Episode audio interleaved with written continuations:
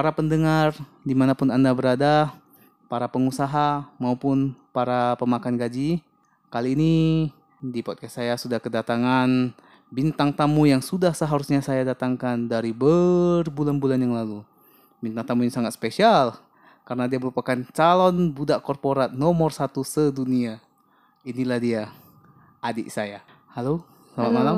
Selamat malam. Selamat malam. Ya, luar biasa ya. Luar Itu. biasa, luar biasa. Untuk mendatangkan Anda saja harus saya harus cancel beberapa kerjaan. Saya harus meluangkan waktu. Padahal satu rumah kan. Saya juga. Itulah dia. Makanya Anda terlalu sibuk bekerja gitu. Sampai-sampai bahkan untuk makan aja Anda susah gitu. Nggak Mau sampai segitunya deh. eh, untuk bawa anjing jalan aja Anda harus cop cop cop cop nanti dulu nanti dulu. Gitu. Jadi eh, kali ini memang agak ini ya, agak mepet ya waktunya. Tapi udahlah daripada nanti kita tunda lagi besok. Besok rupanya eh Anda sibuk lagi kan? Itu daripada ya, nunggu-nunggu yang nggak pasti bagus ya udahlah kita luangkan lah setengah aja pun jadilah itu. Loh, tapi katanya 15 menit. Eh, tergantung durasi bu, tergantung tergantung ini keluasan kita berbicara kan. Ya semakin enak bahasanya bisa kayak kemarin hampir satu jam kami ngomong. Ya karena anda juga saya tahu lah gitu. Anda ini orang yang sangat sibuk. Direktur aja nggak sesibuk anda kan. Itu. Makanya kali ini tema yang saya angkat itu tentang perbudakan di dunia modern, perbudakan era digital. Ya perbudakan makan gaji di tempat kerja, pulangnya kerja lagi. Gitu. Jadi eh, bermula sebenarnya awal dari keresahan saya sebagai budak korporat itu. Anda juga kan Sama lah. sama kan, sama-sama budak korporat kan. Ya, keresahan kita sama. Makanya saya menulis tema saya. eh, oh, adalah poin-poin yang saya tulis. Apa ya ini? Itu. Nah, barulah eh, kenyataan bahwa memang sebagai karyawan itu itu ada saja kesusahannya entah mulai dari bangun pagi lah dari pulang larut lah dari eh, entah kerja dadakan lah gitu terus meeting yang tidak produktif lah bener nggak Betul. Poin Terus- terakhir itu yang paling eh meresahkan. meetingnya tidak produktif ya Iya. iya sudah meeting gitu Nggak telat hasil. pula yang diharapkan datang nggak datang yang nggak diharapkan datang malah datang gitu. Hasilnya nggak jelas. Nah, nggak jelas hasilnya nggak jelas notulennya kebanyakan Betul sekali. Gitu. Nah, itu bermula dari keresahan-keresahan itulah. Makanya saya kebetulan kerjaan saya tidak semeresahkan itu sih. Saya enak-enak aja. Tapi kan eh, terkadang-kadang sebenarnya gini. Awalnya berangkat dari eh, sekitar satu minggu yang lalu, dua minggu yang lalu. Itu saya ada meeting dengan klien orang Jakarta dan orang BUMN. Itu sangat meresahkan banget pembahasannya apa gitu temanya apa nggak jelas hari ini meeting semalam jam 12 jam 12 kurang ya baru di WhatsApp. Kita meetingnya via Google Meet. Gini gini gini gini. Kita mau bahas soal yang kemarin gitu. Besoknya bahas gitu. Hasilnya tak ada. Ujung-ujungnya apa? Ya nanti kalau sudah ada kita baru lanjut meeting lagi. Itu kan meetingnya tidak produktif kan? Kebanyakan sih begitu. Kebanyakan seperti itu kan. Makanya saya jadi itulah jadi keresahan saya berangkat dari sana. Makanya saya buat tema ya sudahlah kenapa tidak dari keresahan-keresahan seperti itu kan. Apalagi kita karyawan, makan gaji Makan gaji. gitu. Ya Kan itu yang kita harapkan. Ya semoga kalau ada yang dengar ini ya para pengusaha tolonglah, tolong itu dengarkan kami para para makhluk yang eh, hanya bisa tumbuh dan berkembang kalau dikasih gaji. Oke. Nah, susahnya menjadi budak budak korporat. Menurut Anda, poin paling utamanya itu apa? Menurut Anda, Bangun pagi pertama. bangun pagi. Nah, itu di list nomor satu. Nah, ini nih. List, list nomor satu saya, Pak. Itu Bangun paling pagi, kan? susah, paling susah. Bangun pagi kan. Bangun pagi. Itu. Setelah itu, setelah itu, Setelah itu ada lagi? ya paling waktu untuk itulah kumpul-kumpul atau bersenang-senang untuk pribadi jadi berkurang gitu kan. itu di anda itu anda saja itu anda saja saya nggak gitu makanya kalau udah pulang kerja pulang nikmati kalau anda udah pulang kerja anda kerja lagi sepertinya itu itu ada ini nggak di tubuh anda ada ditanam GPS nggak jadi kalau bos anda tahu kan kan lagi ngapain oh ini si kawan ini udah pulang kerja santai dia aku kasih kerjaan dulu lah nggak Dan- ada lah. Hmm. Tapi namanya tuntutannya ya kayak mana kerjaannya nggak siap kita kan tanggung jawab juga kan. Ya, ya itulah. Berarti Anda Anda bertanggung jawab. Tapi di list saya sih kalau untuk saya yang pertama adalah bangun pagi itu pasti ya. Semua semua budak korporat itu merasakan Ih, hal yang sama. Satu lah itu. Buka toko aja jam 8 pagi, jam 8 lewat. Kita jam 5, jam 6 udah mesti bangun kan. Iya. Pergi kerja, belum lagi kena macet, belum lagi ditinggal bus pas pandemi gitu. Telat Nang- kena potong gaji. Nah, telat kena potong gaji gitu. Ker- Kerjaan bagus nggak pernah dipuji. Kerjaan jele- jelek nanti kena SP. Wah curhat sekali. Curhat nih. sekali ya. Oh, saya nggak pernah kena SP. saya dan saya selalu telat. saya sadar sih. Saya selalu telat dan saya Ada nggak apa pernah itu? Ada apa di balik itu ya? eh, ngajak anjing jalan. nah, terus Kenapa Anda bisa salah? Kenapa? Kenapa gajinya nggak pernah dipotong ya? balik ke topik, balik ke topik. Terus kalau saya sih yang nomor duanya itu pulang larut. Ya itulah maksud saya pulang karena kita pulang larut kan waktu kita buat di rumah jadi singkat gitu kan. Kadang kita mau main handphone pun sampai malam-malam jadinya. Hmm, betul. Betul. Waktu untuk diri sendiri itu jadi singkat gitu. Terpotong karena kita kerjanya larut-larut ini. Nah, itu kan kerja larut. Itu kan kalau saya kan kerja larut ber, dalam artian saya pergi nih nyampe kantor jam 8 gitu kan. Nah, pulangnya itu kan jam 6. Kalau Anda kan pergi jam 8, pulang jam setengah 5, itu habis mandi kerja lagi kan. Nah, itu bukan pulang larut. Anda pulang cepat kerja sampai larut. Tapi kan hampir sama. Ada lagi? Hmm, itulah tuntutan pekerjaan lah. Tiba-tiba dikasih apa tugas yang waktunya mepet banget. Hari ini diminta, besok mau. Tapi waktu untuk mengerjakan itu nggak sesingkat itu gitu loh. Ini ini ini ini cocok kali kan. Kayaknya gua buat priority list ini kan. Ini keresahan saya dengan keresahan ini budak korporat number one in the world Rata-rata ini. sama lah rasa. sama. Lihat lihat. Nomor tiga. Ya betul sekali. Betul sekali kan. Betul sama kan. sekali itu. Ini padahal gua belum gua belum kasih contekan loh. Belakangan ini aku kena kayak gitu loh. Aduh, mampus sekali itu. Iya, padahal ini sebelum kita take podcast ini udah gua udah buat list. Ini bu, listnya gua buat satu minggu yang lalu loh kemarin. Dan gua belum kasih lihat. Cuman kemarin bilang "Oh, nanti lalu sempat kita ambil podcast Iya, segala betul, macam kan. betul, Nah, betul. Belum kasih lihat kan. Betul, betul. Tapi sama kan keresahannya kan. Iya, kan? memang rata-rata ya Priority itulah listnya itu sama kan gitu. Nah, itulah kerjaan dadakan. Yang paling gak enak itu kerjaannya tuh dadakan. Ya kalau tahu bulat mendingan ya, Iya. gorengnya dadakan ya. enak ya kan? Enak digorengnya dadakan. Ini kerja- nggak ada enak-enaknya. kerjaan dadakan. Nanti kalau nggak siap, kenapa belum siap? Itulah, Hmm. nggak dimengerti kita kan. Kamu, hmm, mending saya gaji. Aduh. Kamu udah budak. Habis itu nomor empat yang tadi saya bilang lah, aku bu- buat priority priority listnya ini nomor empat ini meeting yang tidak produktif. Hmm. Itu tadi udah kita sebutkan kan. Terus ada lagi eh, ini nih eh, agak sensitif sih isunya. Atasan yang menyebalkan tidak mau tahu bosi. Kalau aku sih nggak ada atasan kayak gitu ya. Kebetulan atasan aku mau tahu gitu. Cuman ya itulah kadang dari atasnya lagi kasih kerjaan yang memang mendadak. Oh. Jadi jadinya dia kan cuma ngarahkan gitu kan kita minta saran atau gimana gitu kan. Tapi tetap aja kita yang di bawah yang kena press kan suruh harus siapkan inilah, siapkan itulah gitu. Oke. Kalau atasan aku sih eh so far so good lah. Sama ya. Atasan atasan saya, atasan saya dan atasannya atasan saya. Tadi siang kita baru makan bareng. Enak kok kami. Kami ini Iya. udah ma- kami macam kawan gitu. Enak. Yang nggak enak adalah atasan orang lain yang bisa ngatur saya.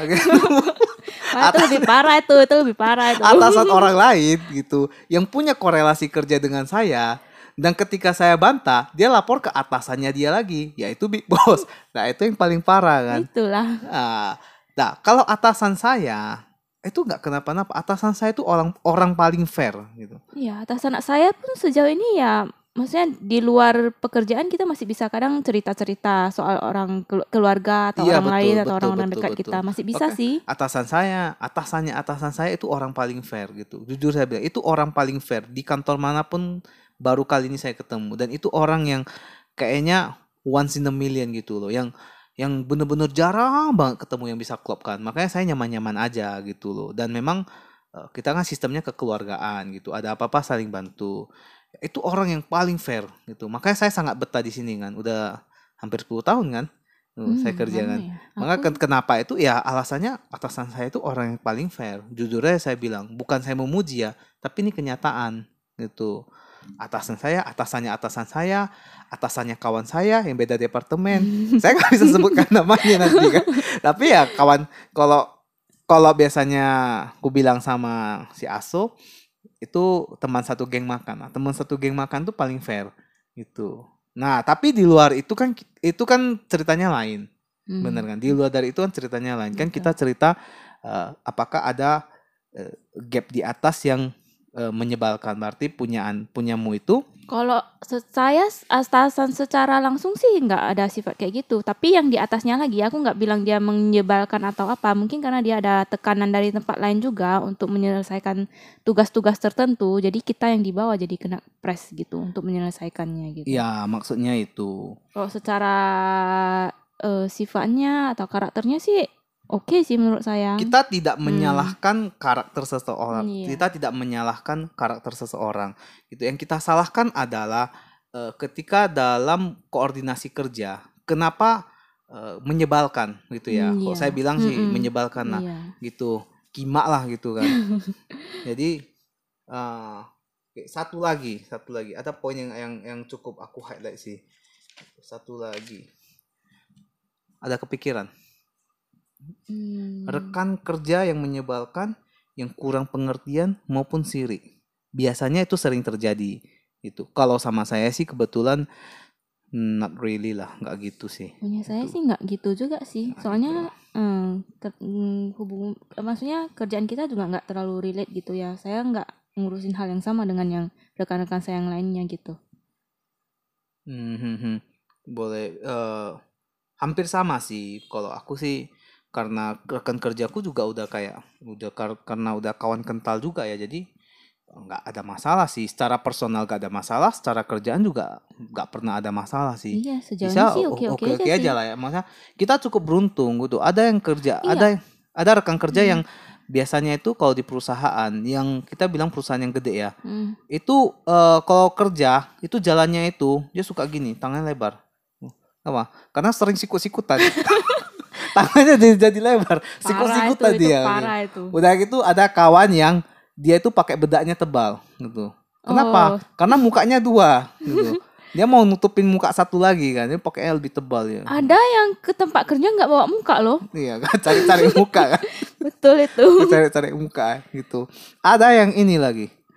Eh, yang paling par ya hampir sama sih cuman istilahnya ada yang ini yang jarinya ini agak panjang tujuannya angkat telur ya. Hmm. Kukira dari dari rumah bawa telur dia. diangkat terus naik kantor kan gitu. Kasih bosnya bos telur bos. Satu Nah, terus kok dulu bosnya si Aso ini dulu apa orangnya apa istilahnya ya? Eh apa kayak win win win orangnya itu win win Angin-anginan. Bukan. Win apa? win win menang menang kan bisa win win solution. Oh. orangnya tuh win-win. Menang-menang. Misalkan win-win solution. Win-win for herself gitu. Menang hanya untuk dirinya sendiri gitu. Jadi Egois gitu ya. oh lebih di atas egois sih kalau win-win menurutku. Win-win bukan win-win solution. Win-win for herself. Kan? Win-win hanya untuk dirinya sendiri gitu. Ya yang penting kalau kamu tidak senang kamu keluar. Pesangon nggak usah dapet gitu yang penting saya senang gitu. Kerjaanmu bagus itu aku yang suruh kau kerjain. Aku yang senang juga. Tipikal seperti itu. Ngerti kan? Ah, masa buruk sekali kan itu jelek sekali kan. Itu itu udah leb- melebihi egois sih. Win-win. Maka bilang itu kalau aku istilahku sih orangnya win-win. Itu dia tidak mau semua orang menang. Dia hanya ingin dirinya menang. Itu ya kalau itu udah men- kalau aku sih bilang tuh udah mendarah daging sih. Dan bertahun-tahun di sana kan. Itu itulah hmm, kalau ada bos atau pengusaha yang dengar gitu. Kalau di, jar- di jajaran direksi anda ada orang-orang seperti itu ya. Mohon eh, koreksi jajaran direksi anda supaya perusahaan anda tidak kolaps karena sudah ada contohnya oke? Kolaps. kolaps. Kalau orang-orang kayak gitu pegang di direksi kalau ada orang-orang seperti itu percayalah perusahaannya itu pasti kolaps gitu. Kepikir perusahaan yang turnover paling tinggi itu perusahaan yang cepat kolaps kan turnovernya paling tinggi contoh kayak perusahaan yang bagus tuh kayak eh, dulu aku pernah baca tahun berapa itu Toyota turnovernya itu hanya 0, sekian persen doang dalam Data satu tahun ha, ya. dalam satu tahun kurang dari 100 atau berapa ratus orang ya. Padahal di seluruh dunia ada berapa berapa puluh ribu atau berapa ratus ribu pekerjanya. Dalam satu tahun yang keluar itu gak sampai 0, sekian persennya. Bayangin turnover yang begitu rendah. Itu turnover rendah itu kan salah satu kok kita di manajemen ya bicara manajemen turnover yang rendah itu salah satu tingkat eh, kelangsungan usaha yang bagus kan. Iya. Nah, kalau untuk Anda nih, Mhm. tadi kan kita cerita cerita kesusahannya nih. Mhm. Kalau untukmu sendiri lah, Mhm. apakah selamanya akan jadi budak korporat? Ada tiga pertanyaan sebenarnya. Itu pertanyaan pertama. Saya berharap enggak sih. Oke. Berharap bisa pensiun dini. Tapi ya kumpulkan dananya dulu lah. Uang Anda kan sudah banyak. Apaan itu? Uang Anda kan sudah banyak kan. Tabungan Anda, investasi Anda, semuanya. Apaan itu? Loh, oke. Berarti ada cita-cita pensiun dini. Iyalah. Gitu. Ta- Tapi Siapa kan sih yang nggak bercita-cita kayak gitu? tapi kan pegawai swasta beda dengan PNS dong. Gitu. PNS kan bisa pensiun dini umur umur sekian gitu ya pensiun. Pegawai swasta pensiun dini resikonya kan lebih besar. Ngerti kan? Hmm. Gitu. Anda dapat pesangon, uang pensiunnya nggak ada. Harap-harap dari BPJS. Toh. Itu makanya kita punya harus punya backup dana dulu kan sebelum kita bisa pensiun. Itulah. Apakah enggak, Anda ada ada ya kan? apakah Anda punya ini eh, rencana untuk usaha? Nggak ada ya, Belum nggak ada ya. sampai sekarang. Tapi memang ada rencana pensiun dini ya. Iya.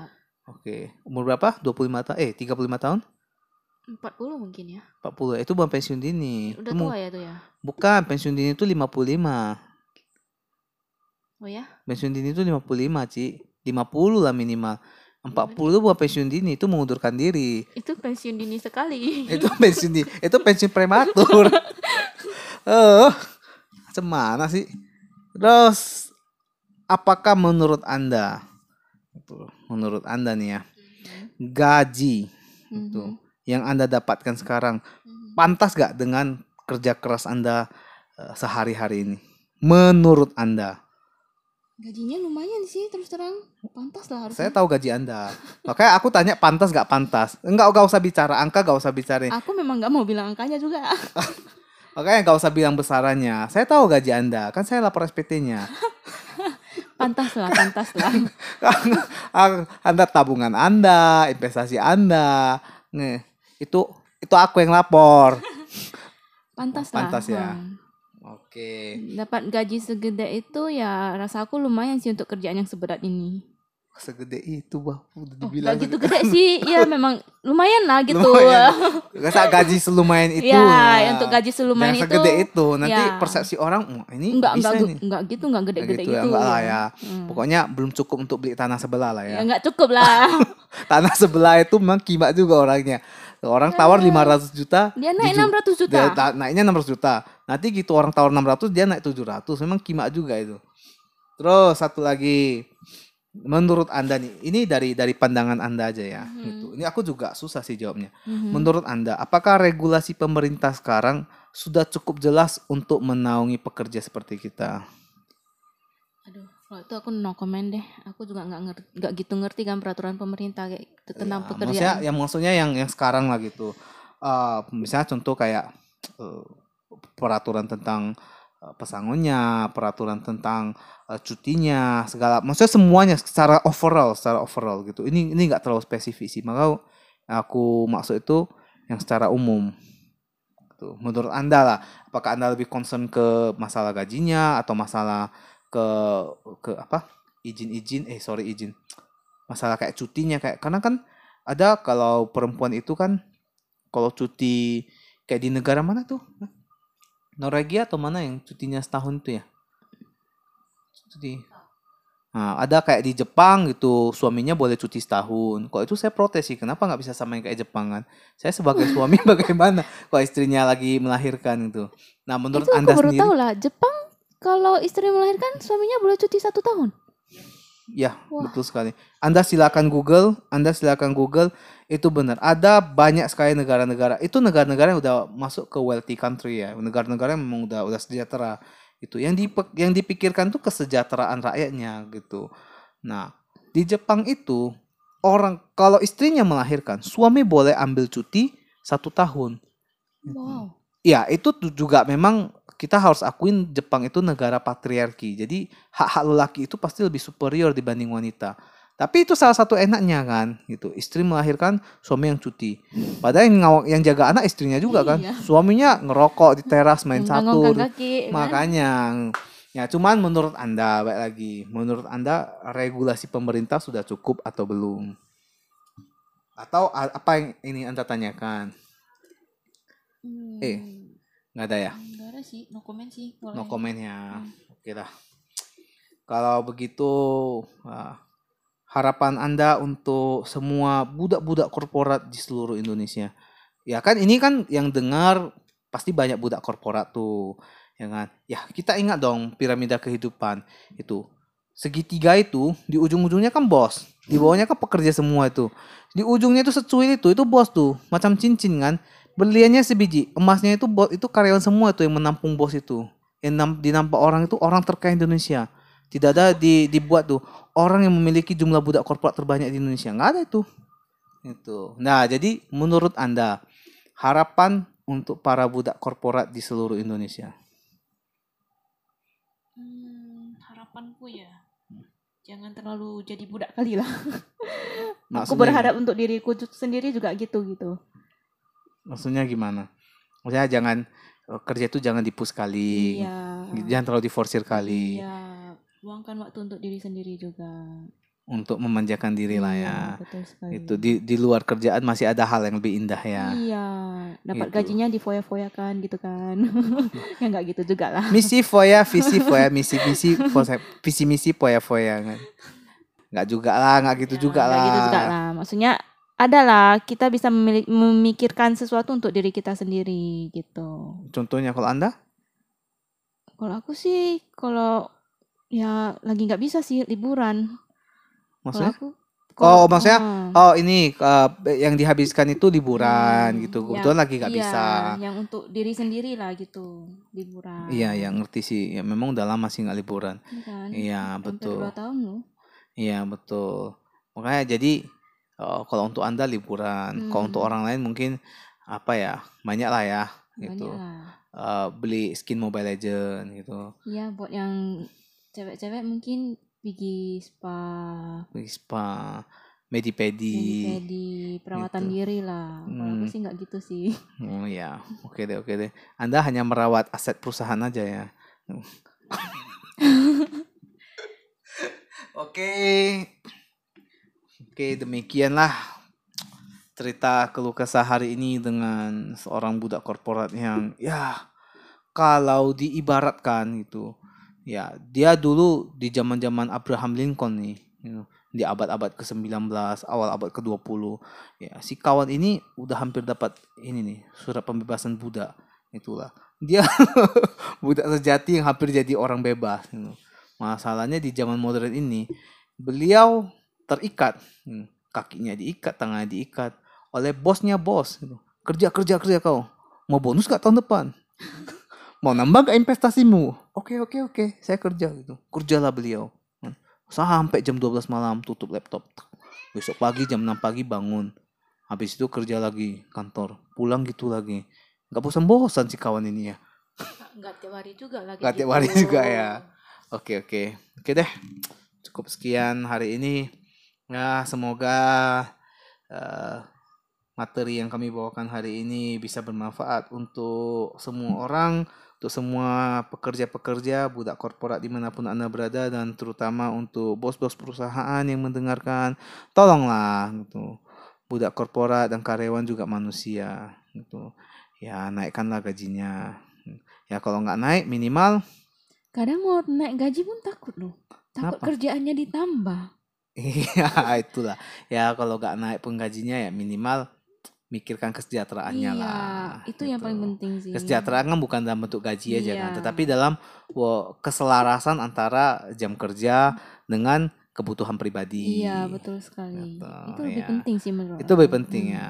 Ya untuk saya sih uang penting gitu. Iya, Tapi uang waktu penting. Siapa waktu sih yang pentingin uang gitu kan? ya waktu dengan keluarga tuh juga sama iya, pentingnya waktu gitu. untuk keluarga, waktu untuk diri sendiri. Ya kan itu yang namanya kesejahteraan Iya, karyawan kan. sekali. Bukan melulu soal uang ya. Kalau perusahaan-perusahaan atau bos-bos tidak bisa menaikkan gaji karyawan, minimal pikirkanlah kesejahteraan dalam bentuk yang lain. Iya. Begitu ya. Terutama di masa pandemi ini ya gitu.